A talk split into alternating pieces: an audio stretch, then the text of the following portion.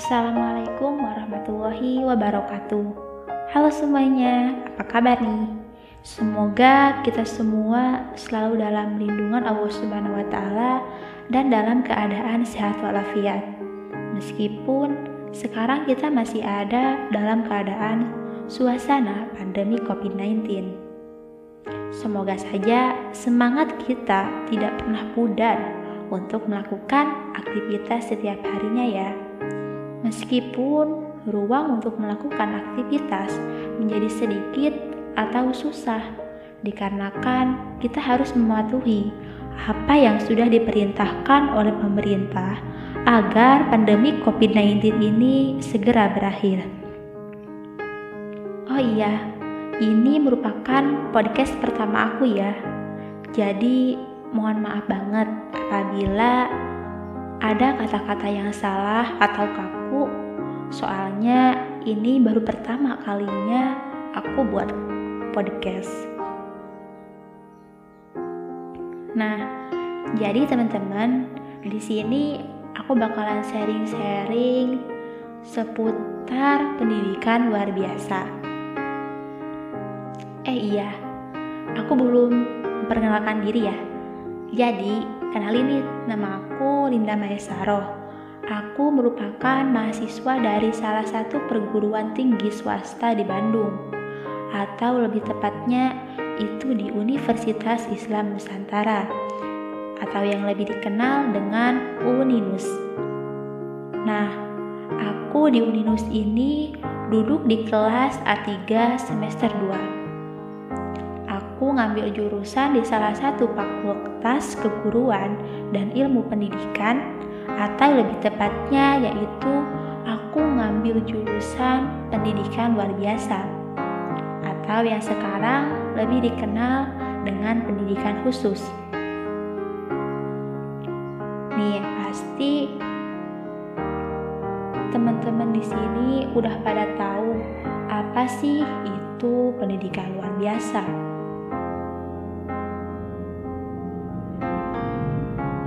Namun pasti ada juga yang belum tahu apa sih itu pendidikan luar biasa. Nah, jadi gini teman-teman, pendidikan luar biasa itu adalah salah satu jurusan maupun program studi di universitas yang biasanya masuk ke dalam fakultas keguruan dan ilmu pendidikan. Pendidikan luar biasa ini juga berfokus untuk menghasilkan pendidik profesional dalam mengembangkan anak berkebutuhan khusus atau ABK. Sebenarnya, jujur aja ya teman-teman, jurusan ini bukan pilihan pertama aku ketika mengikuti ujian masuk perguruan tinggi. Bahkan, aku belum pernah terbayang akan mengambil jurusan ini dan pada saat itu aku belum tahu apa sih itu anak berkebutuhan khusus. Lah kok ini gini? Kok ini gitu sih? Namun setelah aku diajak untuk berkunjung ke salah satu sekolah luar biasa di tempat saudaraku kerja aku jadi tahu oh seperti ini. Ya, walaupun belum tahu secara spesifiknya mereka itu bagaimana dan jenis-jenis anak berkebutuhan khusus itu apa aja. Setelah aku berkunjung ke sekolah luar biasa tersebut, aku jadi tertarik deh untuk mengulik lebih dalam mengenai apa saja yang berhubungan dengan anak berkebutuhan khusus. Jadi, setelah aku searching di Google mengenai anak berkebutuhan khusus, anak berkebutuhan khusus itu merupakan anak dengan karakteristik khusus yang berbeda dengan anak pada umumnya, tanpa selalu menunjukkan pada ketidakmampuan mental, emosi, atau fisik. Nah, kita sharing-sharing aja ya teman-teman. Anak berkebutuhan khusus juga terdapat beberapa jenis loh teman-teman. Yang pertama itu ada tunanetra. Teman-teman tahu apa itu tunanetra? Jadi tunanetra itu adalah anak yang mengalami gangguan daya penglihatan berupa kebutaan menyeluruh atau sedemikian. Dan meskipun anak tersebut sudah diberi pertolongan dengan alat-alat bantu khusus, mereka masih tetap memerlukan pelayanan pendidikan khusus. Nah, jadi itu teman-teman. Ada juga itu tunarungu. Apa sih itu tunarungu? Tunarungu adalah anak yang kehilangan seluruh atau sebagian daya pendengarannya sehingga dia tidak atau kurang mampu berkomunikasi secara verbal. Dan meskipun anak tersebut sudah diberi pertolongan dengan alat bantu dengar, mereka masih memerlukan pendidikan layanan khusus. Selain itu juga ada anak tunagrahita apa itu anak tunagrahita? Tunagrahita merupakan anak yang memiliki intelijensi yang signifikan, berada di bawah rata-rata, dan disertai dengan ketidakmampuan dalam adaptasi perilaku yang muncul dalam masa perkembangan. Dan selanjutnya itu ada tunadaksa. Tunadaksa adalah individu yang memiliki gangguan gerak yang disebabkan oleh kelainan neuromuskular dan struktur tulang yang bersifat bawaan, sakit, atau akibat kecelakaan, termasuk cerebral palsy, amputasi, polio, dan lumpuh. Tingkat gangguan pada tunadaksa seperti tunadaksa ringan adalah keterbatasan dalam melakukan aktivitas fisik, tetapi masih dapat ditingkatkan melalui terapi. Adapun tunadaksa sedang yaitu anak yang memiliki keterbatasan motorik dan mengalami gangguan koordinasi sensori, yaitu memiliki keterbatasan total dalam gerakan fisik dan tidak mampu mengontrol gerakan fisik. Kemudian ada jenis yang selanjutnya itu ada tunalaras. Apa itu? Tunalaras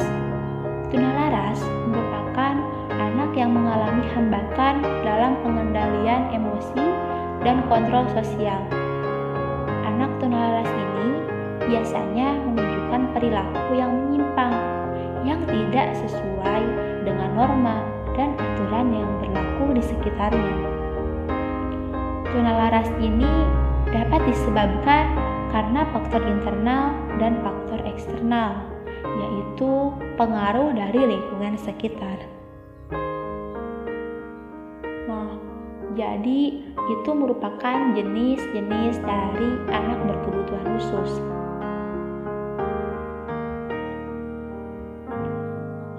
Setelah aku memutuskan untuk memilih jurusan pendidikan luar biasa, banyak orang-orang di sekitar aku, seperti keluarga, tetangga, teman, mereka menanyakan, "Kenapa harus pilih PLB?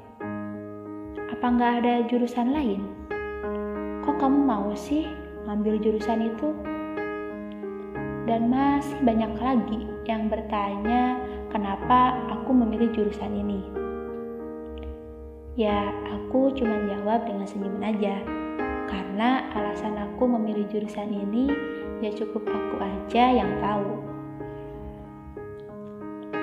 Oke, daripada bikin penasaran, aku ceritain aja. Jadi, alasan aku milih jurusan pendidikan luar biasa ini karena aku mau merubah cara pandang orang lain terhadap anak berkebutuhan khusus.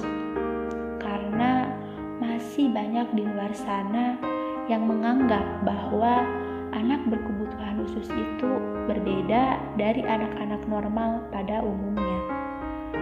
Padahal mereka itu sama kayak kita, hanya saja mereka diberikan keistimewaan yang kita tidak punya.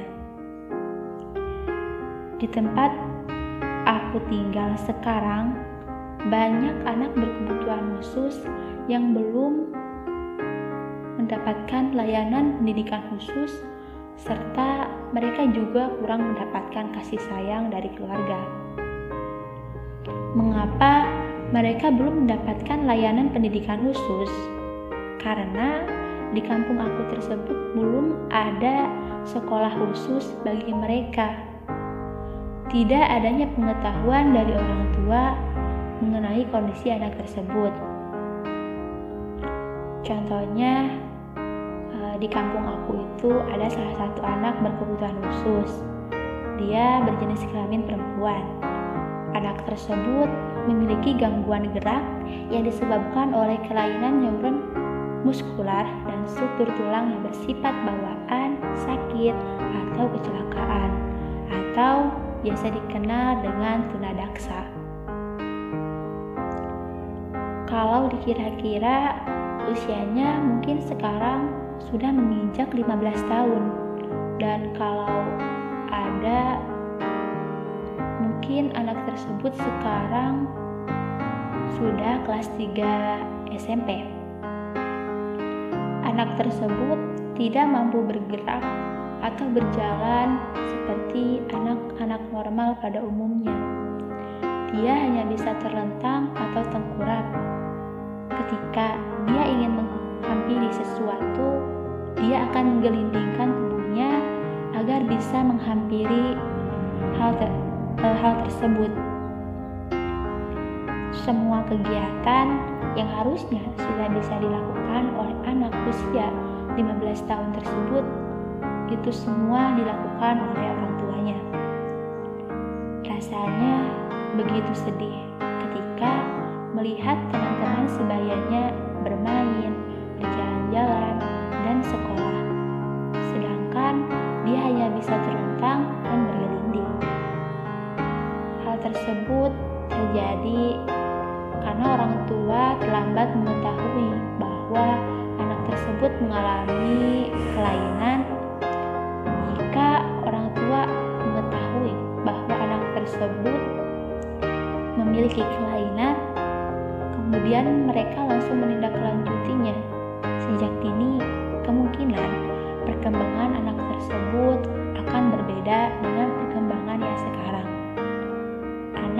diberikan terapi atau stimulasi agar motorik kasar maupun motorik halusnya bisa dioptimalkan sebaik mungkin.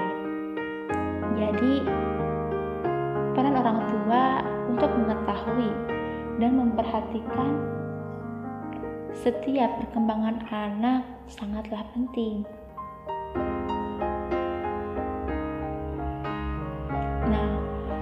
Kita kembali lagi ya teman-teman ke topik yang tadi jadi aku memilih jurusan ini bukan hanya sekedar penasaran aja ya tapi aku mau menjadi seorang pendidik yang dapat membantu dan berbagi pelajaran yang belum pernah mereka atau anak berkebutuhan khusus itu dapatkan.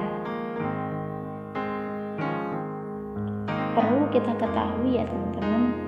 Setiap orang memiliki kemauan dan cita-citanya masing-masing yang mereka ingin capai. Setiap orang juga memiliki alasan mengapa dia melakukan hal tersebut.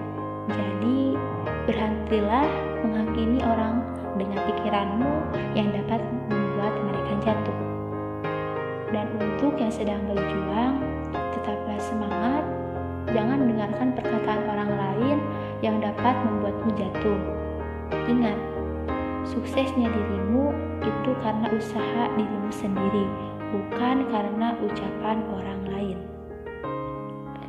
Oke, mungkin sekian ya sharing-sharing kali ini.